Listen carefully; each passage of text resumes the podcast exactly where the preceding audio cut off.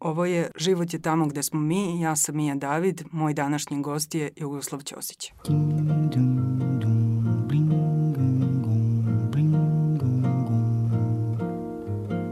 Olha que coisa mais linda, mais cheia de graça. Ela, menina que vem e que passa, num doce balanço, caminho do mar. Moça do corpo dourado do sol de Ipanema, o seu balançado é mais que um poema, é a coisa mais linda que eu já vi passar. Ah, porque estou tão sozinho? Ah, porque tudo é tão triste?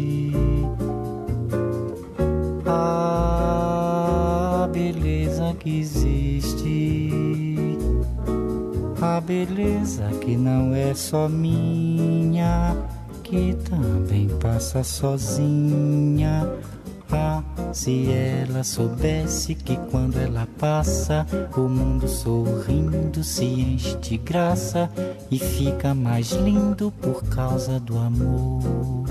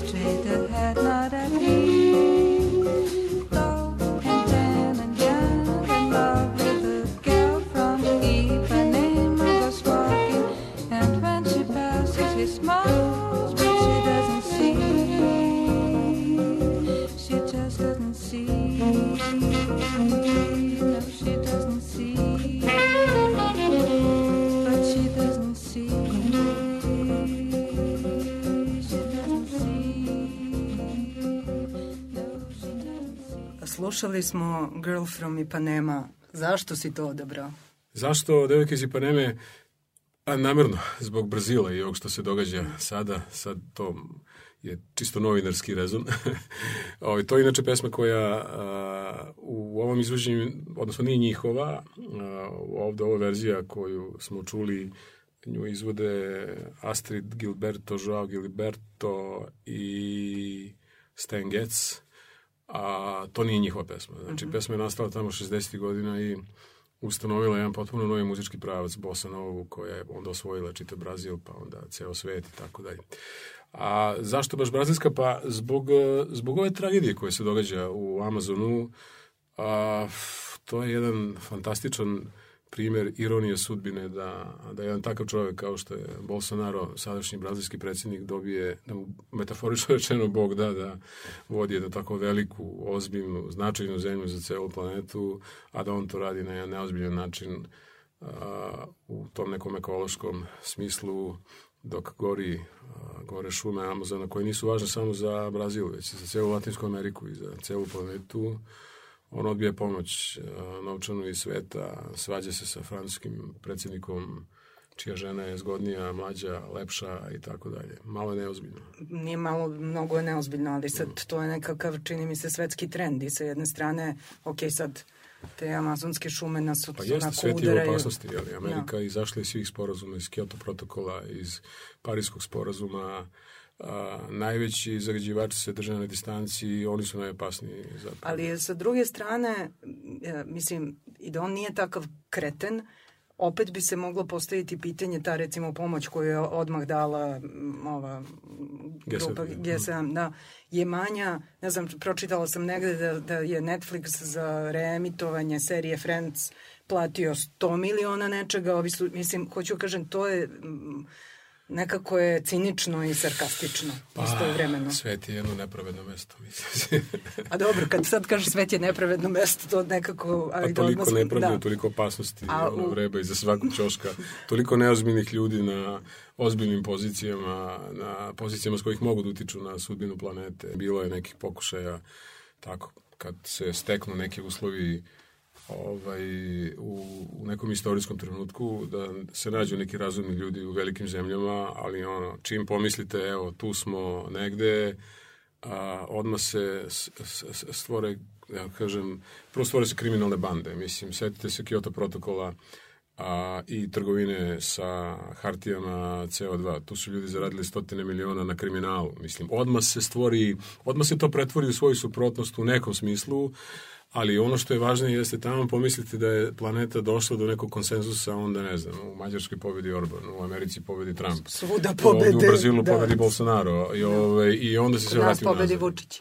Kod nas pobedi Vučić, dobro, on baš nisam siguran koliko uopšte razmišlja o ekologiji. Pa dobro, ne razmišlja o ne ekologiji, ali ovaj. ja mislim da je ekologija samo jedan deo tog pazla nekakvih vrednosti koje mislim, Pa da, ali mislim nisam danas siguran da je, postoje. to, da je to vrednost za sebe, za ovu vladu, eto, tome se radi. Ja ne vidim da išta rade ozbiljno, u čast ministru, ali mislim da ne rade ništa stvarno ozbiljno na tom poglavlju koje je inače najobimnije, najkompleksnije, najduže će trajati, najskuplje će biti, tako da je pogledajte Topčidarsku reku, pogledajte šta se izliva u Savu i Dunav, evo samo u gradu u kojem mi, mi, mi živimo, a pola Beograda i dalje nema kanalizaciju, znači ne samo to, nego nemamo fabrike, odnosno fabrike za preradu otpadnih voda, to sve ide u Dunav.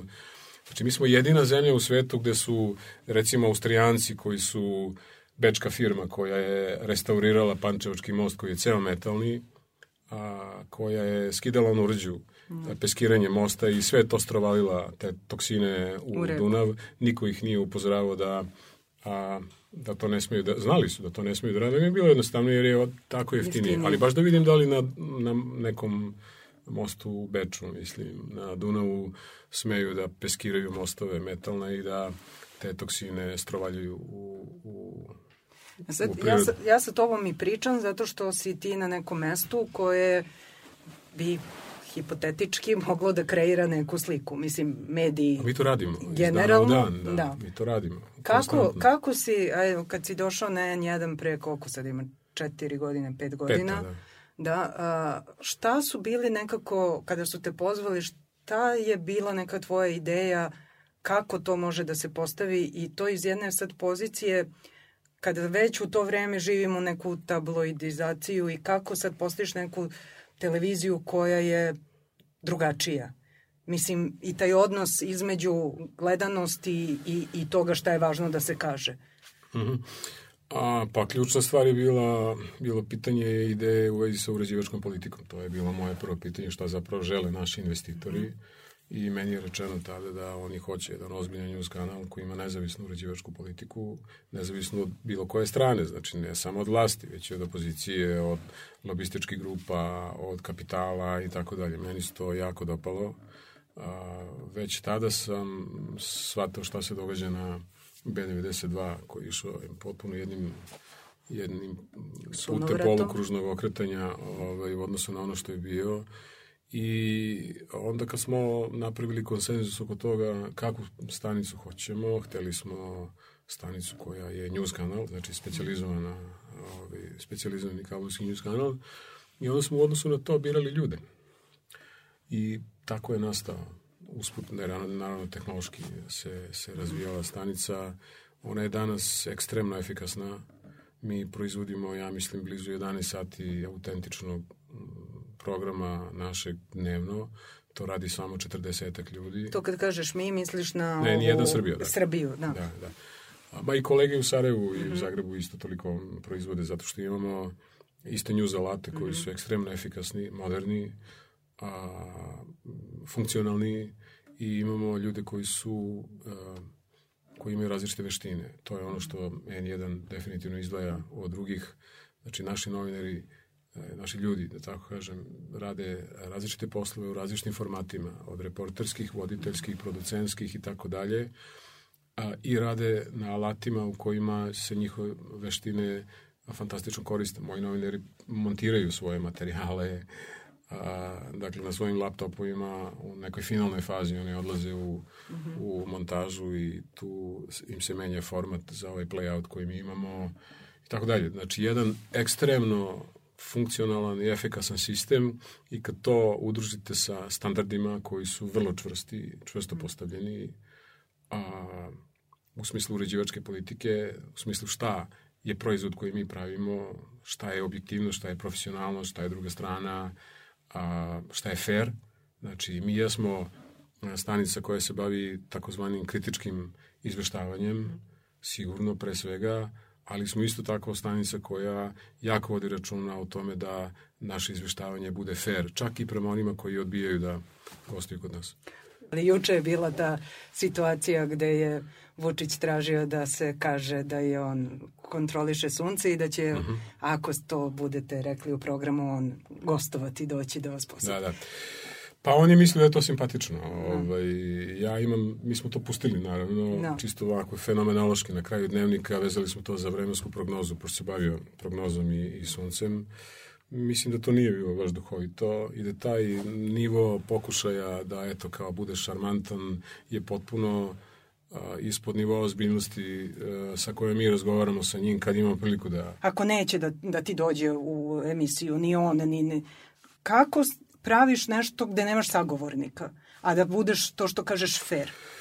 Pa, mislim, mi postavljamo pitanje, dakle, mi imamo jednu vrstu bojkota od strane vladajuće koalicije koja se temelji na strahu od toga šta će Vučić da kaže i a, od sankcija mogućih ako neko od njih pristane da dođe. Mi, mislim, mi nemamo i problem što nam Vučić ne dolazi, ne mora da dođe nikad. Pa, mislim, ne moraju čak ni ministri, mada je to stvarno tragikomično i absurdno, mislim, u ovo doba 21. veka i savrem, savremenih medija. Ima problem da uvedemo ono, direktore bolnica, koji, da govorimo o kenceru, o tako, tim nekim stvarima koji su potpuno životni, jer, jer su u public servisu, rade za državu i boje se. Znači, boje se konsekvencije resornih, od e, resornih ministara i tako dalje i tako dalje. Međutim, mi, a, ja kažem, mi, mi, realno je tako da mi imamo jedan debalans u emisijama koje se bave gostovanjima. jer neće da dođu jednostavno kod nas. Ali to zaista nije naša greška, mi ne prestajemo da ih zovemo. Ali ne mogu da nas izbegnu na konferencijama za štampu. I imamo jedan izbalansiran program u praćenju vlade, ministarstava, iako neće dođu u emisiju, ali, ali ne mogu da nas ne mogu da nas ne puste na preskonferenciju, ne mogu da, da nam da, zabrane da postavimo pitanja, čak i ako ne odgovaraju direktno na ta pitanja, kao što radi predsjednik Srbije. On odgovara ono što on misli da je zgodno da kaže za svoju publiku, dakle za publiku nacionalnih televizija, nikad direktno gotovo, nikad direktno ne odgovara na pitanje novinara ili to čini na način koji je a, zapakovan u jedan PR ovaj, za njegovu publiku, ali sve jedno, mislim, mi, ja, mi nemamo drugu opciju, jeli, da, osim da nastavimo da dolazimo i da pitamo. Druga osoba koja je kao stalni neprijatelj govori se da, da imate neki lični je Vesić, jeli, kao, kao Jugoslav Ćosić vodi stalnu kampanju protiv Vesića i protiv Beograda. Da, ne, Ma, to su... Ne, mislim, jel su ti njih dvojica nekada bili gosti? Jesi imao sa njima? Vučić je bio više puta, ali do 2012. No. Zaboravio je da je dolazio. Nikad nije bilo prijatno, ali bio je gost. Mm -hmm. a, a Goran Vesić, a, tad, mislim, nije ni bio u politici, odnosno, nije bio na taj način. Na, na taj način, da, nije bio, bio u nekom privatnom biznisu, tako da ga ne sećam. Mislim, sećam ga se, pričam ja sa njim, ali iz vremena vlade Zorana Đinđića. Onda. A, pa, suština je vrlo jednostavna. A, N, N1 jako prati Beograd, zato što se mnoge važne stvari događaju u Beogradu. A, budžet Beograda je blizu milijardu evra. A, ima dobrih stvari koje se rade, ima koruptivnih stvari koje se rade. A, nama je Beograd u fokusu i N1 je jedan izuzetno neugodni svedok svega onoga što se događa. Ajde pođemo od najbizarnijih stvari od planiranja rekonstrukcije ulica u gradu, što se radi apsolutno neznalački, neprofesionalno, moglo je mnogo bolje, ali kad vi donosite političku odluku, evo, nije, ne vidi se kad Zato što ispod zemlje, kada rešavate pitanje kanalizacije, ali kad pravite jarbol, to se vidi. No. Kad se rekonstruišu ulice, to se vidi. Tako da je to jedna frustracija gospodina Vesića, koji je jedan put shvatio da sam ja propagandista, a ne znam do pre koji godinu sam bio novinar, a, i da smo mi u, u rukama eto, našeg investitora, ali mnogo je absurdno i smešno, on konstantno govori ja, ja imam pravo na svoju uređivačku politiku. Ali ta uređivačka politika je diktirana, ne znam, odavde i odande. Pa čekaj, ako imamo pravo na uređivačku politiku, zašto osporavaš?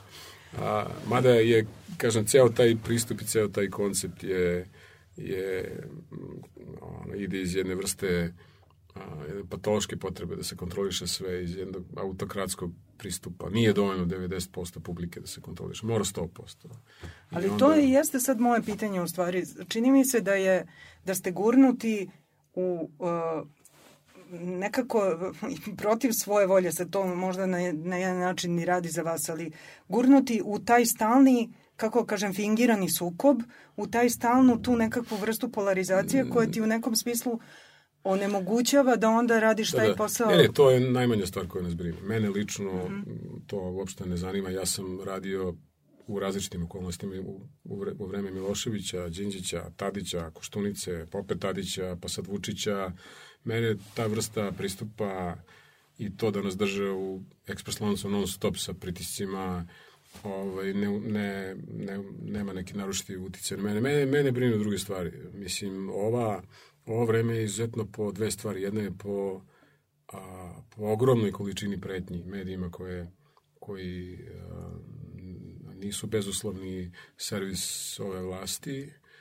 A, te pretnje dolaze iz države, to je unikatno za ovo vreme, znači dolaze od predsjednika države, od ministara u vladi, od premijerke i to je u suštini intonacija ludacima. No. A, te poruke se zatim obrađuju a, u tabloidima koji imaju svoje nivoje a, i onda se iz čitave te priče generišu direktne pretnje na društvenim mrežama, u komentarima i to je opasno. Znači ja se sada najviše brinem za bezbednost naših novinara, mi jako puno radimo na bezbednosti, ja se, mi, mi nikada, ja nikada u životu nisam radio na televiziji koja imala panik tastere, kolima, mobilnim ekipama, barijere na ulazku u zgradu i tako dalje. To je opasno i to je ono što me brine i brine me a, ta agresija u tabloidima koji su kontrolisani od strane države koja je bezočna u pokušaju da se diskredituje i kleveće a, televizija N1, a, a radi se o tabloidima koji krše sva elementarna ljudska prava, krše etički kodeks novinara, koji fabrikuju lažne vesti na dnevnoj bazi i vrebaju svaki najmanji mogući greščicu, ja mislim N1, da bi, da bi to bila ono, hrana za nove topovske napade. Kako se onda u toj atmosferi stalnog straha, kako se radi? Jer ja verujem da tebi je u stvari uh, veći sad strah za ceo taj tim i za ljude pojedinačno nego za tebe lično. Ali sad za druge strane imaš neku porodicu. Kako balansiraš te, te dve stvari i da li zaista mora da se živi na taj način? Da li... Očigledno mora. Mislim, sad druge opcije nema. Sad, vrlo često mi postavljaju pitanje kada možda uporediš kao ovaj period sa, ne znam, periodom kada je Tadić bio. Mm. A, nema te, nema te ovaj, vlasti koja nije imala potrebu i ambiciju da a, da kontroliše medije i da to drži manje više pod kontrolom. Samo se radi o tome da je to bilo ispod nekog patološkog nivoa ili iznad patološkog nivoa. Mnogo je gore sada nego što je bilo za, za vreme Tadića, sigurno. Nije bilo takve opasnosti, nije bilo napada ovoliko i, i tako dalje. Ovo u čemu smo sada je, se polako gradi iz godine u godinu, pojačavaju se ti instrumenti pritisaka i instrumenti koji, ko, koji su aktivirani alati, jel, da te obeshrabre da, da radiš svoj posao ovi kako valja, ali mi prosto nemamo drugu opciju. Mislim, no, N1 ne postoji iz altruizma. N1 postoji zbog toga što tu postoji jedna grupa fenomenalnih profesionalaca koji, kojima je prva stvar da normalno rade svoj posao i da od tog posla žive, zarađuju novac i, i da žive. Ne da bismo menjali svet, jer svet je jako teško menjati ovaj, okolo i nemamo baš, kako da kažem, nemamo baš mnogo alternative osim da odustanemo. To nije slučaj samo sa nama, ima drugih medija. Imate danas, NIN, vreme, koje, na koje isto tako vrše pritisak. Ali, ali je... šta može da promeni društvo ako ne može da promeni to što Pa ja ti o pošteno... tome govorim, nije naš cilj da menjamo društvo. Ali ja te pitam zašto? Mislim, Šta je cilj onda? Pa društvo menjaju sistemi, menjaju vlade, menjaju režimi, menjaju elite, menjaju... Dobro, ali mediji služe tome između ostaloga promenimo mediji te služe elite. Da, mediji služe da, da štite javne interese, pre svega, i to je suština našeg postojanja. Mi radimo u interesu naših gledalaca i ni u čem više interesu. Ok, ali mislim i Pink bi mogao kaže da radi u interesu svojih gledalaca i ima veliko jedno gledalačko telo koje je očigledno zadovoljno tome, time šta mu se servira. Ne, moć medija je nesporna, Da. posebno elektronskih medija. A, I ona se zloupotrebljava. Ali osnovna razlika između toga da li je to profesionalno novinarstvo ili propaganda. To su dve ključne stvari. A, propaganda radi za sistem i za režim, a, ozbiljna profesija i novinarstvo radi za interes, javni interes ili za interes gledalaca. U interesu, in, za interes istine i, i činjenice. To je nekako, da kažem, onako patetično rečeno, najviši izraz patriotizma u našem poslu. Je saopštavati svojim gledalcima istinu, Istinu. i činjenice kakva god da je. Nema lošeg vremena za istinu. Eto, to je moja lična deviza. A to, da li se radi o tome ili se radi o propagandi, to bi trebalo da da prepoznaju, da pozna tržište. U normalnim zemljama to prepoznaje tržište. Znate, kad vi izgubite tri procesa, kao novine recimo, i u tri procesa sud utvrdi da ste lagali, da ste objavili klevetu protiv nekoga.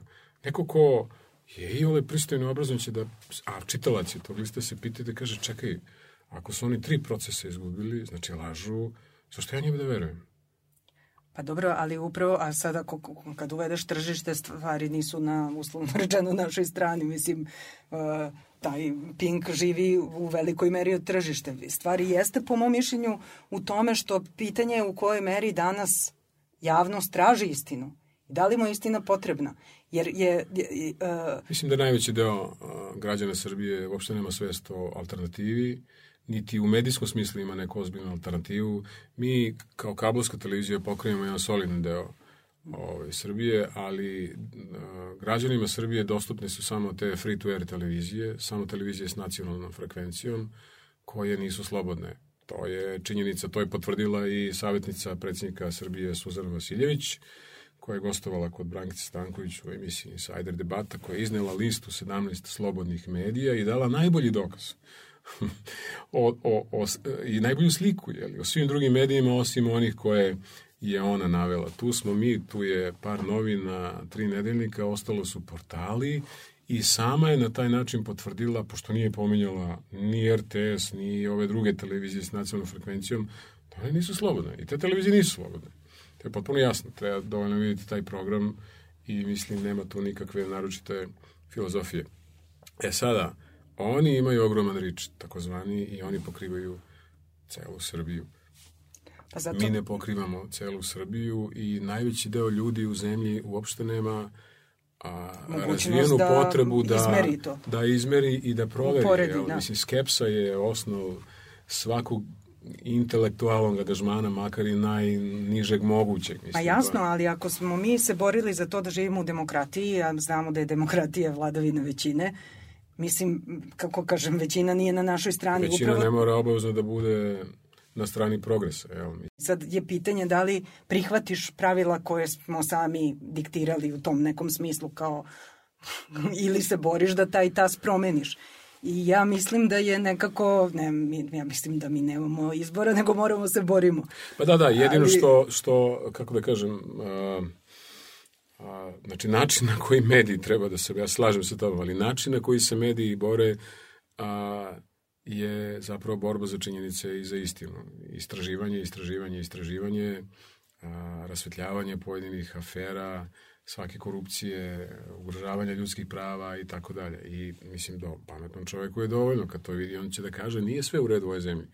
Ove, znači, način na koji se mediji za to bore nije isti kao način na koji se za to bore Ne, nevladine naravno. organizacije, ne znam, intelektualci. Uh, N1 je postavljen kao regionalna televizija i neki je zbog toga i napadaju, jer se to nekako vezuje za ex-Jugoslaviju. Pa je moje pitanje da li recimo ta tvoje ime je tebi neki uh, bio prednost u ovom poslu ili ti je teret ili kako uopšte da ga doživljavaš, da li, mislim, ne, imaš... Mislim, ime se pravi, mislim, to je... Ne, mislim tvoje ime, Jugoslav, da li je to, da, da li je Dobro, ja sam malo neka stariji, pa onda utopija ili Arkadija ili... Mislim, stvarno, kako doživljaš svoje ime? Imaš neku... Nemam nikako. Nemaš tu nemam vrstu nikako. veze? Ne, ne, nemam. Ali ovo što si pomenula je vrlo zanimljivo, to da protestuju kad vide neki sadržaj iz Hrvatske ili... Pa to je, kako da kažem, a, to je... Znači, mi još nismo prešli tu patološku fazu da je dobro znati šta drugi misle. To je pitanje informisanosti. Znači, mi kad prenesemo neki sadržaj iz, recimo, N1 Hrvatske ili, ili Bosne i Hercegovine, nas takođe napadaju na mrežama, oni smatruju da mi podržavamo tu uređivačku politiku. To apsolutno nije tačno. Mi postojimo da bismo ljudima, između ostalog u Srbiji, pružili šansu i šansu da vide šta se priča u Hrvatskoj, šta se priča u Bosni, šta se priča u Makedoniji, u našoj okolini, na planeti. Imamo international news, mislim da, da to tako kažem.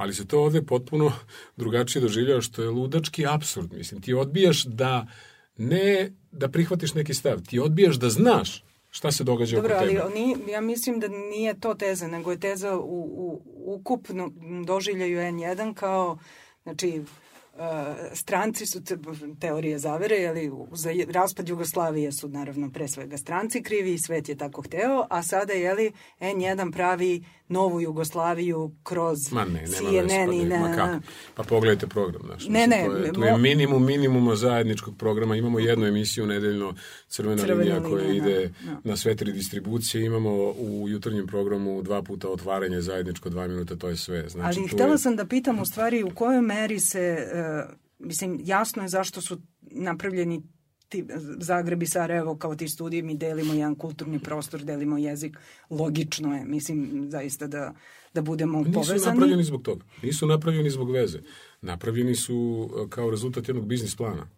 Pa, Znači, baš sam to i htjela da kažem, da često su i izdavači knjiga pokušavali da naprave te kuće da bi smanjili troškove, a povećali tržište.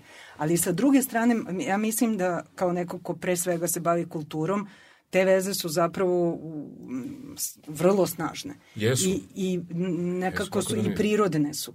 Uh, u kojoj meri se vama pokazalo da je da, da su problemi koje ove države, danas države dele uh, slični? Jer, mislim, svi živimo na jednom svetu. Mislim da je taj neki uh, specifičnosti su mnogo manje nego što je mm, neki zajednički imenitelj. Pa tu postoje realni problemi i postoje a, projektovani problemi. Mislim, realni problemi su slični u celom regionu. Jel, mi smo ono na dnu Evrope po svemu, znači po a, standardu, po kulturnom nivou, po izdvajanju za kulturu, mislim, po, e, po, po količini društvenih sloboda, uključujući slobode medija i tako dalje. A, ti isprojektovani problemi su oni koji bi, koji bi realno mogli mnogo brže da se reše. Jel? To je pitanje odnosa mm, iz, između država, političkih, jel, pitanje nestalih, mislim, pitanje a, integrisanih prelaza graničnih. To su sve pitanja koje mogu jako brzo i efikasno da se reše, ali se ovde još uvek, i to nema tu nikakvih tajni, jeli? mislim, na tom nacionalističkom antagonizmu gradi i politički kredibilitet. Mislim, u Crnoj Gori je to tako, u Hrvatskoj je to tako, u Srbiji je to takođe tako. To se, I to u odgovara Bosni zapravo svim vlastima u To svim odgovara tim svim vlastima i ni jednom narodu. Da, da. Ali sve te vlasti imaju ogromnu moć kontrole kroz uh, različite alate, ovaj, a najjači su mediji kako bi držali kako kažem, na sobstvene nacije u jednom stanju mobilnosti non stop kao da nam non stop preti opasnost, on realno ne preti. Jel ti misliš da je uh, zadatak medija, to si već rekao, da prenosi istinu, a da li je i zadatak da edukuje? Pa mislim, kako da vam kažem, zavisi na koji mediji mislite. Znači, RTS ima zakonski zadatak da, Da. da edukuje, mi nemamo. Mislim, mi smo news kanal, naša primarna obaveza je da informišemo, ali se zaista trudimo da i na tom nekom polju edukacije damo najviše što možemo. E, Ako pogledate strukturu gostiju N1, ona se dramatično razlikuje od strukture gostiju svih drugih televizija. Šta su sad ambicije za N1? Tvoje lične ambicije za N1 Srbija u kom smeru? Proširivanje mm, živog programa. To nam je naredni sledeći cilj i to nam je cilj e, neposredni za jesen. Znači, mi smo tu da ljude obaveštavamo. Mi smo tu da ljude u odnosu na sobstvene kapacitete obaveštavamo iz minuta u minut šta se zapravo u zemlji događa u prestonici, u politici, u svemu. I ja sam već malo čas rekao da mi imamo tu između 10 i 11 sati živog programa, sad ćemo dodati još dva. Sad ćemo napraviti još jednu živu emisiju, ona će se zvati, evo sad ekskluzivno javno, u ovaj, e, tebi to mogu da kažem, zvaće se Studio N1 Live, ići će između 12 i 2. E, to je period kad inače ima najviše događaja ono, i u ekonomiji, u politici, i u gradu i tako dalje. I koncept to, te priče je da više nego drugim terminima donesemo tog života na, na naš eh, televizijski program sa reporterima koji su po gradu, koji izveštavaju o različitim događajima, znači od kulturnih do par excellence političkih događaja, to jeste cilj. Ovaj, tako da je to ključna ambicija u ovom trenutku da širimo, širimo količinu živog programa i da a, našim gledalcima omogućimo, omogućimo da u svakog trenutka kad uključe N1 mogu da vide šta je novo u gradu, a ne da čekaju vesti. To je ključni cilj sad za jesen. Ti si počeo da se baviš novinarstvom još na uh, fakultetu, ali nisi studirao novinarstvo, tako? Nisam, mislim, ja sam pravno završio. U kojoj meri ti to pomaže, recimo, sada, u ovom menadžerskom poslu? Pa- U kojoj meri ti je pomagalo kad imaš tog sagovornika, jer poznat si pod tim živim emisijama, od- odnosno ne živim, nego direktnim sučeljavanjima. Pa, mislim, mnogo više nego što sam ranije mislio. Ove, ja sam već na prvoj godini fakulteta, mada sam ja završio međunarodni smer, znači to su, nisam ovaj krivično pravni završio tako. Ali sam naučio da čitam zakone i to je ono, što mi, da- danas mi to jako pomaže kao nekom ko vodi stanicu, a pošto mi, mi jako poštujemo zakone, mi jako poštujemo procedure, ta vrsta pravnog obrazovanja koja je uopšte ostala u moje glavi mi pomaže da bolje čitam zakone, da ih brže čitam nego drugi, da ih razumem, ovaj, razumem bolje, a i da a, kako da kažem, u tim direktnim razgovorima sa mojim, mojim gostima lakše izlazim na kraj kad su te teme u pitanju, kao što vidite, ključna stvar, osim Kosova, ključna, iznad svih drugih stvari na kojoj insistira Evropska komisija Evropska unija jeste vladavina prava. Tu smo najlošiji, mislim, od svih oblasti. Ja mislim da je tu, ovaj, da smo tu malo iznad dna. I to je sad nešto što meni daje neku malu prednost ja, u razgovoru sa, sa ovim sagovornicima. Znam da izvučem ono što mislim da je važno, znam da se brže pripremim za tu takvu vrstu razgovora i ja lično, ne samo zato što imam pravno obrazovanje, ali mislim to, to mi pomaže i jako verujem u to da je to zapravo ključ svake moderne i normalne i demokratske države, nezavisno pravosuđe. Mi ga nema svi te stalno pitaju zašto se ne smeješ. A meni se, zaš, zašto imaš taj uvek izraz lica užasno ozbilja, da meni se čini da je to neka vrsta i maske i uloge koja pomaže da se, kako kažemo, ozbiljnije razgovara. I, I sad kad prvi put ovako sedim preko puta tebe, imam, isto imam taj utisak, zato sam te to i pitala, kao ono neki ping pong preko stakla. Znači e, da imaš jedan e, da, da imaš jedan zid i da ne daš iza tog zida da, da se priđe. A sa druge strane, ako se vratimo na onaj početak i na to da slušaš samo, ne znam, latino, džez i, i, i da, da, da ti prija Južna Amerika i taj temperament, znači da postoji neki Jugoslav koji neki drugi Jugoslav. A pa naravno, naravno, mislim, nije, to nisu iste stvari. Ovaj, mislim, najgore stvar je u ovom našem poslu jeste projektovati karakter, lične stavove, a, držati predavanje u tom smislu, polazeći od nekog svog sveta i tako dalje. To, to nije u redu. Razgovori koje ja vodim profesionalno da. su najozbiljniji mogući razgovori u naš, u, kao format razgovora, jel to je to, to, to bi se ja klinicima kad pričam kako bi to opisao, to bi u prevodu na srpski bio konfrontirajući intervju, to je taj čuveni hard talk, da. ovaj sistem koji traži stvarno jedno angažovanje, ozbiljnu energičnost, dobru pripremu, jedan nivo agresivnosti, i ozbiljnosti i tako dalje. E sad, sve vas to formira, mislim, u nekom javnom smislu. Ona, I to javno lice form, na to utiče no, taj format kojim se bavite, teme kojima se bavite, pozicija na kojoj ste u nekom trenutku... Koji su gosti bili najteži? Šta je bio najveći izazov? Mislim, sigurno se to menjalo i sa iskustvom koje si isticao, ali Šta bi danas bio neki, koga bi danas, s kim bi želao danas da razgovaraš? Ma ja ne, ja ne, nemam, nik, ono, nemam tu fiksaciju kao sad, strašno sam želao s, s nekim da pričam, a nisam uspeo da, da pričam i tako dalje. To su kategorije ljudi, mislim, za moj posao i ovo što ja radim, ja bih bio najsrećniji zaista u ovom trenutku da mi živimo u državi u kojoj je potpuno normalno doći u svaku emisiju na bilo kojoj televiziji i razgovarati sa novinarima kakvi god da su.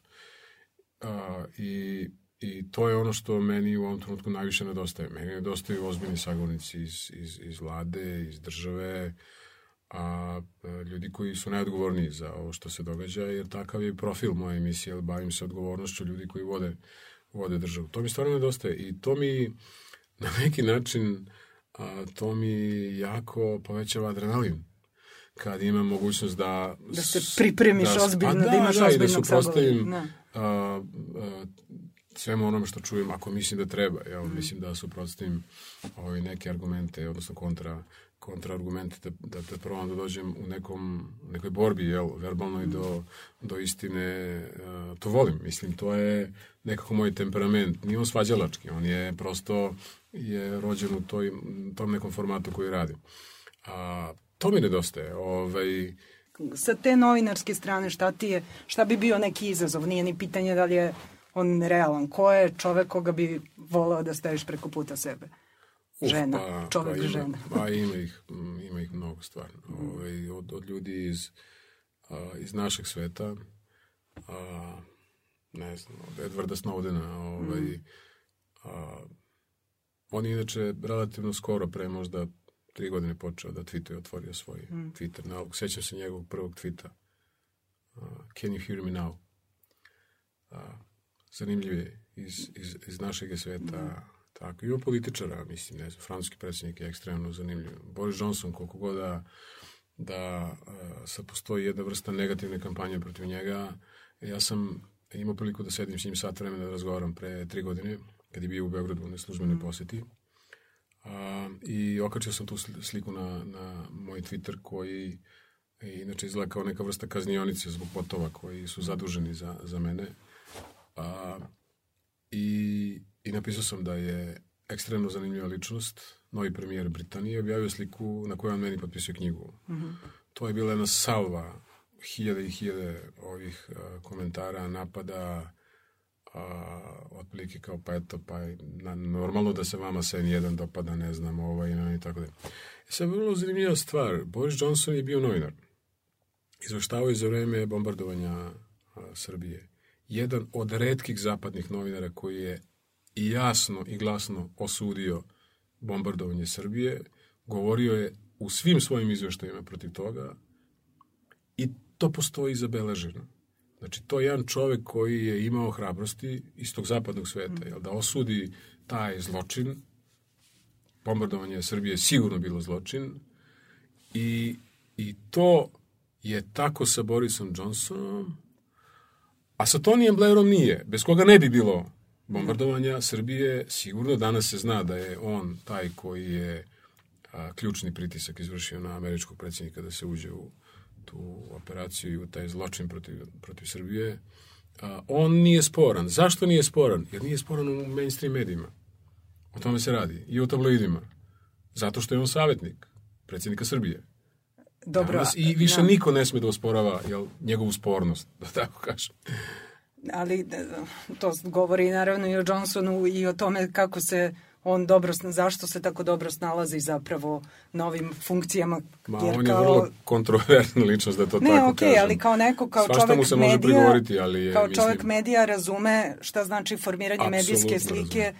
I mislim nije Apsolutno luda, razume. nego bira da Čak bude i kao luda. novinar je bio kontroverzan. Da. Postoje neke kontroverze u vezi sa njegovim novinarskim angažmanom, da ga ne amnestiramo toga, ali je ekstremno zanimljiv. I ono što ja pamtim jeste da je imao isključ i izrazito antiratni stav. Mislim, bio je protiv bombardovanja Srbije.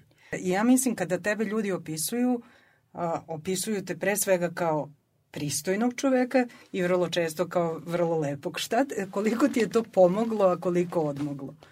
I da li to uopšte, mislim, dobro je naravno za televizijsko lice da bude prijatno za gledanje.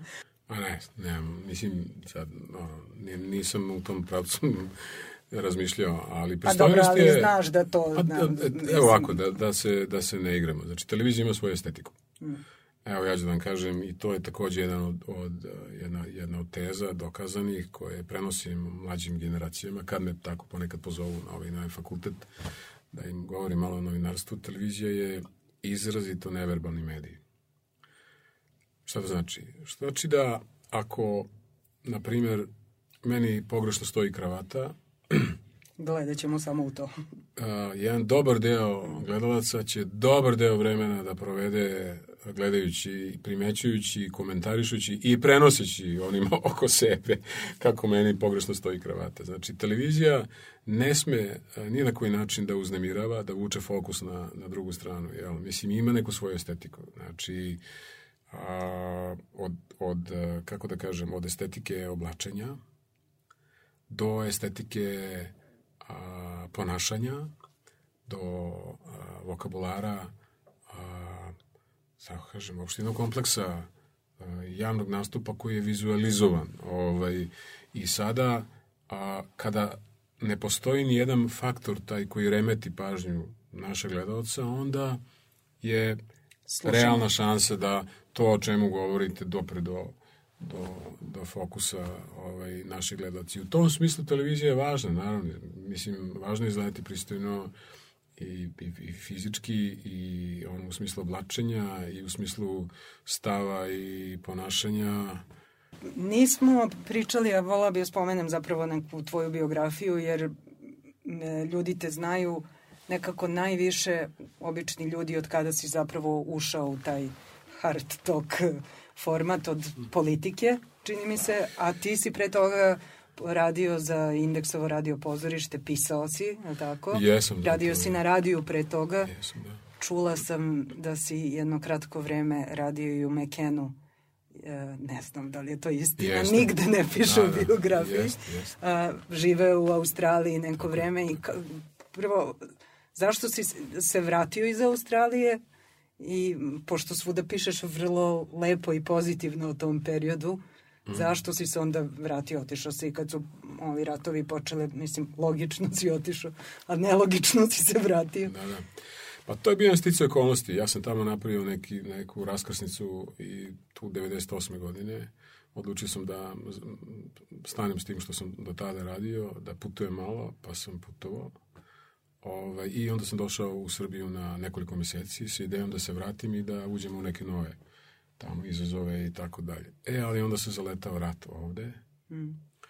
i ja sam shvatio mislim već za novu godinu da će čitava priča imati ratni ishod 99. godine a u tom trenutku moja majka i sestra su bile ovde pa su mi neki privatni razlozi onako uticali na mene i onda kako se to zapravo odvija ovaj, jednim nepredvidivim putem ja sam ostao kada je počelo bombardovanje a onda vrlo brzo možda 3-4 dana nakon početka bombardovanja su me zvale kolege iz Praga i Slobodne Evrope i pitali su me da li bih želeo da izveštavam za njih. Jer su znali da sam u Beogradu, saznali su, verovatno slučajno, ne mogu više da se setim kako. Ove, I da li bi bio raspoložen da radim za Slobodnu Evropu. Ja sam pristao odmah da radim. Znači, prošlo je bombardovanje, onda je bio onaj zanimljiv period, Period. političkih borbi do 2000, do promene sistema. Kada je 2000 došlo do promene, otključane su bile televizije, jer totalno niko nije, on, moj kolega nije mogao da priđe fizički blizu televiziji. Onda su me zvali iz TV politike, ja sam onda napustio Slobodnu Evropu, jer mi je televizija bila ogroman izazov, tamo radio jedno dve i po godine, onda ponovo odletao nazad za Australiju, pa se 2005. vratio i nastavio sa sa televizijom 92. B92. Mislim, u osnovi svega je to što a, sam negde osetio i razumeo da je moj moj a, moje težište u, u, u onome što volim da radim, u profesiji koju volim da radim. U svakom drugom pogledu Australija je ekstremno zanimljiva. A, jedino što je tamo užasno, užasno teško dopreti do nekog pristojnog nivoa novinarstva, čak i za australijance koji su tamo rođeni. Ja sam relativno kasno otišao tamo, mislim, imao sam 30, tako da... Eto, to, to je ta neka ukratko priča, ali tipična novinarska priča, mislim. Ja znam kolege i druge kolege koji su otišli, žive u fantastičnim zemljama, ali su se vratili ili se vraćaju sada zbog, zbog a, toga što smo pričali malo čas o se pale. Zbog, zbog patriotizma. ne zbog patriotizma, A- nego zbog... Zbog toga što se, Profesije, da, da, ali baš sad da. u tom, toj napaljenosti, mislim, koja može da se bude i u drugim profesijama, ali može da bude i na drugoj strani iste profesije. Mogu da zamislim ljude koji se pale po tim tabloidima ili po treće oko ili Pa naravno, pa tu postoji jedna, jedan, jedan, znači, rekao sam u nekom trenutku da, da ne postoji političar, državnik u Srbiji koji nije raspisao tender za dupe lisce i za Da. medijske i ove i one i tako da izvijam se na izrazu, ali to je možda naj, najbolja ekspresija. Ali nikada u istoriji novije Srbije od rušenja Miloševića, pa ni ono vreme, odziv na tom tenderu nije bio ovakav kao 2012. A, I on traje već kontinuirano godinama, a tu se radi o novcu. Znači, ra, postoji prva liga tih medija i tabloida koji, na koje se oslanja režim i u njihovom slučaju radi se o milionima evra koje dobijaju na ovaj ili na onaj način kroz a, donacije, kroz a, oglasne dilove koje inače ne bi imali da, da, da, da nisu to što jesu. Postoji jedan niži ešalon koji barata sa stotinama hiljada, postoji još niži ešalon koji nema kontakta sa, sa vrhom, od koga dolaze a, direktive. Postoje ti takozvani eksperti koji imaju svoje firme, pa dobijaju različite dilove Protočni za svoje da. firme, ali je potpuno jasno da imaju jednu vrstu obaveze da Učestvuju u no, lancu novca. Pa mislim da, ono, da, da, da učestvuju u medijskim operacijama, jel? Mislim, Ali kad sve to znaš i razumeš taj sistem, Naravno šta da su, razumem. pa ne, naravno da razumeš, nego ima li šanse da se ta slika promeni? Da li misliš da će, mislim, ova vlast će nekad pasti? Mhm. Verovatno. Kada se to desi, kako ćemo mi da vratimo neku normalnost u ovo društvo? I da li uopšte ima šanse da danas u svetu, kakav je danas... Naravno da uvek ima šanse. Ono što ja znam jeste da dok u Srbiji većina medija ne bude normalna u smislu uređivačke politike, otvorenosti, profesionalnosti i tako dalje, Srbija neće mrnuti nikuda. Ali ne može Sigurno. se desiti to, mislim, Pa u ovom samo od trenutku sebe. je možda, možda je nezamislivo, ali mislim, isto je tako bilo nezamislivo i 90-ih, ovaj, pa se desilo. I promenila se situacija i u medijima i mediji su se otvorili i tako dalje. Sad imali smo tu nesreću sa ubistvom premijera, gde je sve otišlo u nekom pravcu u kom nije trebalo da ide, a, ali čak i u ono vreme nije bilo nekih patoloških stvari koje postoje danas, a, mislim na onaj period od 2003. pa sve do 2012. godine. Tako da sve, sve je moguće, ali mislim da su mediji zaista važan faktor, da ne, tu se ne radi samo o političkim promenama, tu se radi o promeni svesti, o društvenim promenama, a, a, o, o mnogim stvarima koje će, koje će dobiti šansu da se zaista menjaju kada se promeni situacija na medijskom polju. Neće Srbija mrnuti nikuda. Mnogo bez slobodnih medija. U kojoj meri, to sam pričala i sa drugim sagovornicima, naravno da je i novinar je čovek, pa je u tom smislu i nekakvo političko biće. U kojoj meri može sebi da dozvoli i da, da se taj politički stav vidi, kada sme da dozvoli, kada ne sme da ne Nema projektovanja političkih i ličnih stavova u našim izveštajima, apsolutno. To je, to je ono što je jedno od ključnih pravila. Znači, sigurno da je naša uređivačka politika takva da lični stavi ne, ne smeju da se projektuju ni u jednoj, ni u jednoj priči. Mislim, svi smo mi lična bića, da tako kažem. Ne, to je svoje- jasno, ali- ali u, u izveštajima koji se prave, prilozima, u svakoj vrsti angažmana, bez obzira da li je on studijski ili on terenski i tako dalje, nema ličnih stavova. Ono što je još više zbunilo, mislim, ovaj savremeni medijski svet, to su društvene mreže, jer oni tu osjećaju veću, ve, veću količinu slobode i tako dalje.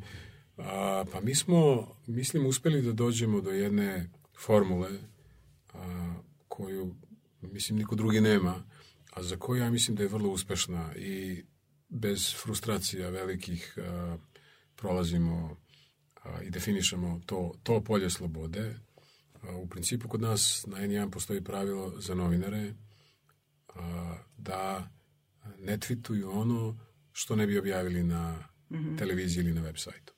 Šta bi savjetovao nekim mladim ljudima koji imaju taj drive i hoće da uđu u novinarstvo i ono kako već mladi ljudi da kidaju i da grizu, kako, kako da se usmere, šta je važno da ne sagore, šta je, šta bi bio neki savjet da se traje? Pa to nije lako odgovoriti na, na to pitanje. Mislim, šta da im savjetujem u zemlji u, kom, u kojoj nema slobodnih medija ili mislim u kojoj su medijske slobode na, na, na jednom minimumu. A, mi, mi, mi se sad suočavamo s jednom sa, sa, sa jednom pričom promene pojma ono, medijskog aranžmana i novinarstva. Ja mislim, jedan dobar deo njih kad ih pitate šta je za vas novinarstvo, zamišlja sebe ispred kamere da sedi i ovaj, nešto priča, ovaj, vodi neke emisije. Da jako malo njih a, razmišlja na jedan drugi način, da je novinarstvo pre svega na terenu. To mm -hmm. je osnov, od toga se kreće i to je to je svima bio jedan dobar deo profesije, prema su ušli u studio, studio i tako dalje. Imamo još jedan problem ozbiljan, ja to vidim po klincima koji dolaze na praksu, a mi imamo letnju praksu u kojoj svake godine obučavamo jedan broj a, studenta ili bivših studenta koji su tek završili novinarstvo koje odabiramo po nekom našem, na, našem kriterijumu. A, vrlo često se suočavam kad pitam odakle uzimaš informacije Jel, čit, gledaš TV, pa kao ne, ne, TV nije ono, moja generacija ne gleda, mm, dobro, e, pratiš ono, news portale, pa ne, najbolje ovo, ono i ta, pa odakle saznaješ, pa sa fejsa. Mislim, teško je postati novinar, a da prethodno crpiš sva svoja znanja o društvu, politici i tako dalje sa fejsa ili sa Instagrama ili sa... Mislim da je ovaj, ovo društvo ovako kakvo je, i ova medijska slika da je divergirala, mislim, taj, taj pojam uopšte pojam novinarstva. Ali mislim, tu ima nekoliko stvari. Jedna je, čovjek mora stvarno bude posvećen. Ja, mislim, uz, jer posao prate pritisci, prate problemi. Mi smo stvarno kao u nekom velikom ekspres loncu iz, iz dana u dan. Znači, moraju da budu posvećeni i da da razumeju da je ovo deo priče u Srbiji, da je deo priče, pritisci, razni izazovi, pitanje bezbednosti da su, da su deo priče, da, da se razvijaju u pravcu svestranosti, što je must, ono da iskoristim jednu englesku reč ovaj danas u medijima, jer su više konkurentni ako imaju više veština i da naravno a, budu dosledni u primjeni nekih profesionalnih vrednosti. A, to je jako važno, jer ljudi su skloni da, ne ljudi, ali vidimo mi po, po, po, po tome šta se događa u medijima. Zača se ono, prihvate neke kompromisi, prihvate neke vrednosti koje u suštini nisu vrednosti prosto je neophodno da, da verujete u, u određen sistem vrednosti profesionalnih, ne mislim ljudski sad, nego profesionalnih. Znači, kako nas da odlično odvojiš- zna šta je to šta je to izbalansiran prilog. Pa znam, ali zna- kako odvojiš ljudske i profesionalne vrednosti? Mislim, Pa teško, mislim, jako je teško, ja, ja, ja nisam ni rekao da, da je to lako, jel? Mislim, ja sad govorim isključivo u, u, ovoj, u, u, držim se, u tom sam krugu profesionalno. pre nego što budemo sad slušali pesmu koju si odabrao za kraj, ja želim da ti čestitam na ovom, kako kažem, super profesionalnom razgovoru gde nisi dao ništa od sebe i napravio si mi stvarno hard talk, da ono, ostaneš u tom okviru da i dalje zapravo, o, o, osim onog što smo o tebi znali, ništa novo Da. ni ne saznamo. Ali koga uopšte zanimaju naše Pa kako ti kažem, da, da, da mislim da ne zanima nikoga, ne bi te zvala. Ali da. Mislim, to, kako da kažem, da, da, te, da te u toj meri to toliko zanima, verovatno bi radila u Glori ili u nekom, ko- koja je okej, mislim, i to postoji jedan svet koji to, i postoji svet koji želi da se eksponira, jeli? Taj Jugoslav koga ne puštaš da drugi vide, taj Jugoslav koji se smeje, Pa se što, smeje čemu? na sva pitanja. Pa dobro jesi, ali si ga odgovorio sve iz nekih foldera. Ja strašno volim satiru i, Da. i humor i to je moje neka, neka paralelno interesovanje i paralelna ličnost. Spomenula si da sam pisao za indeksa. Ja mislim da sam najviše tekstova napisao za indeksa radio pozorište. Strašno sam voleo tada da pišem parodije na postojeće serije, ono, Sivi dom, Klinika Švarcvald i tako da je, to su neki moji tekstovi, neko će se setiti i tako dalje. O, ja strašno volim satir i volim da se smijem, ali nije me lako nasmejati kao i ni mnoge drugi koji, koji vole humor i, i, i satiru. Ovaj, tako da postoji taj jedan deo moje ličnosti koji se ne vidi, a, ovaj, a, a, ali je realan i, i tu je. Samo stvarno mislim da, da to nije tema za, za javni prostor. Eto. A, dobro, hvala ti. Šta slušamo za kraj i zašto? Aha, e pa ovo, ovo nema nikakve veze sa, sa, sa politikom, to je ovaj, stvarno moj muzički afinitet. Uh, ovo je pesma Nova Lela Penja, ako se sećam dobro, a pevaju i sviraju a, dva Amerikanca, Ray Sepulveda i Johnny Rivera, a oni su portorikanci, ovaj, a, m, poreklom i to je neki onako moj autentični muzički uh, ukus koji je vezan za, za Latinsku Ameriku. Volim salsu da slušam, volim bossa novu da slušam, volim i druge pravce te neke iz Latinske Amerike, ali u svakom slučaju mislim da je to jedna mnogo manje agresivna a, muzika koja a, stvara puno dobrih raspoloženja. Ovaj, osim tih nekih mojih emocija koje su vezane za taj svet koji, koji, ovaj, a, koji sam poznavao.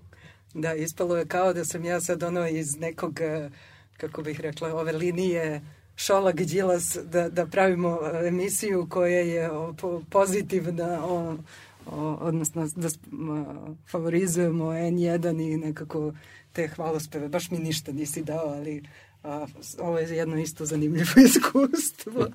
A, pokazao si sa muzikom da ima neki drugi Jugoslavi za kog, kog ne daš, ali to je u redu. Pa dobro, evo, Da. odabrao sam te dobro. pesme. Hvala ti. hvala na, hvala na pozivu. Ovo, nisam dugo, dugo, ovoliko dugo govorio. Dobro, skratit ćemo možda malo.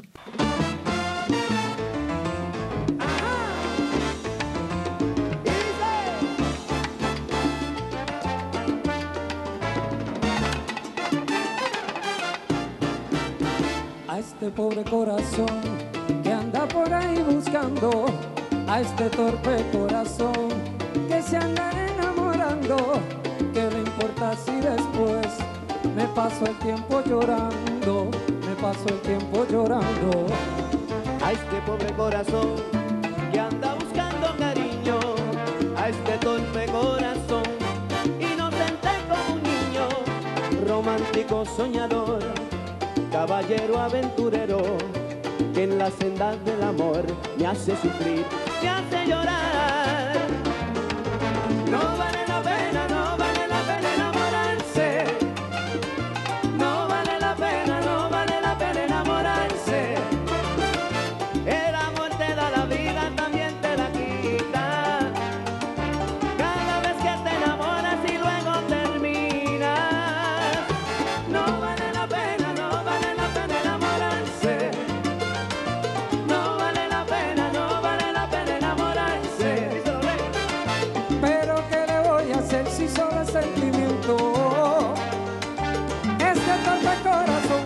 Me hace caso.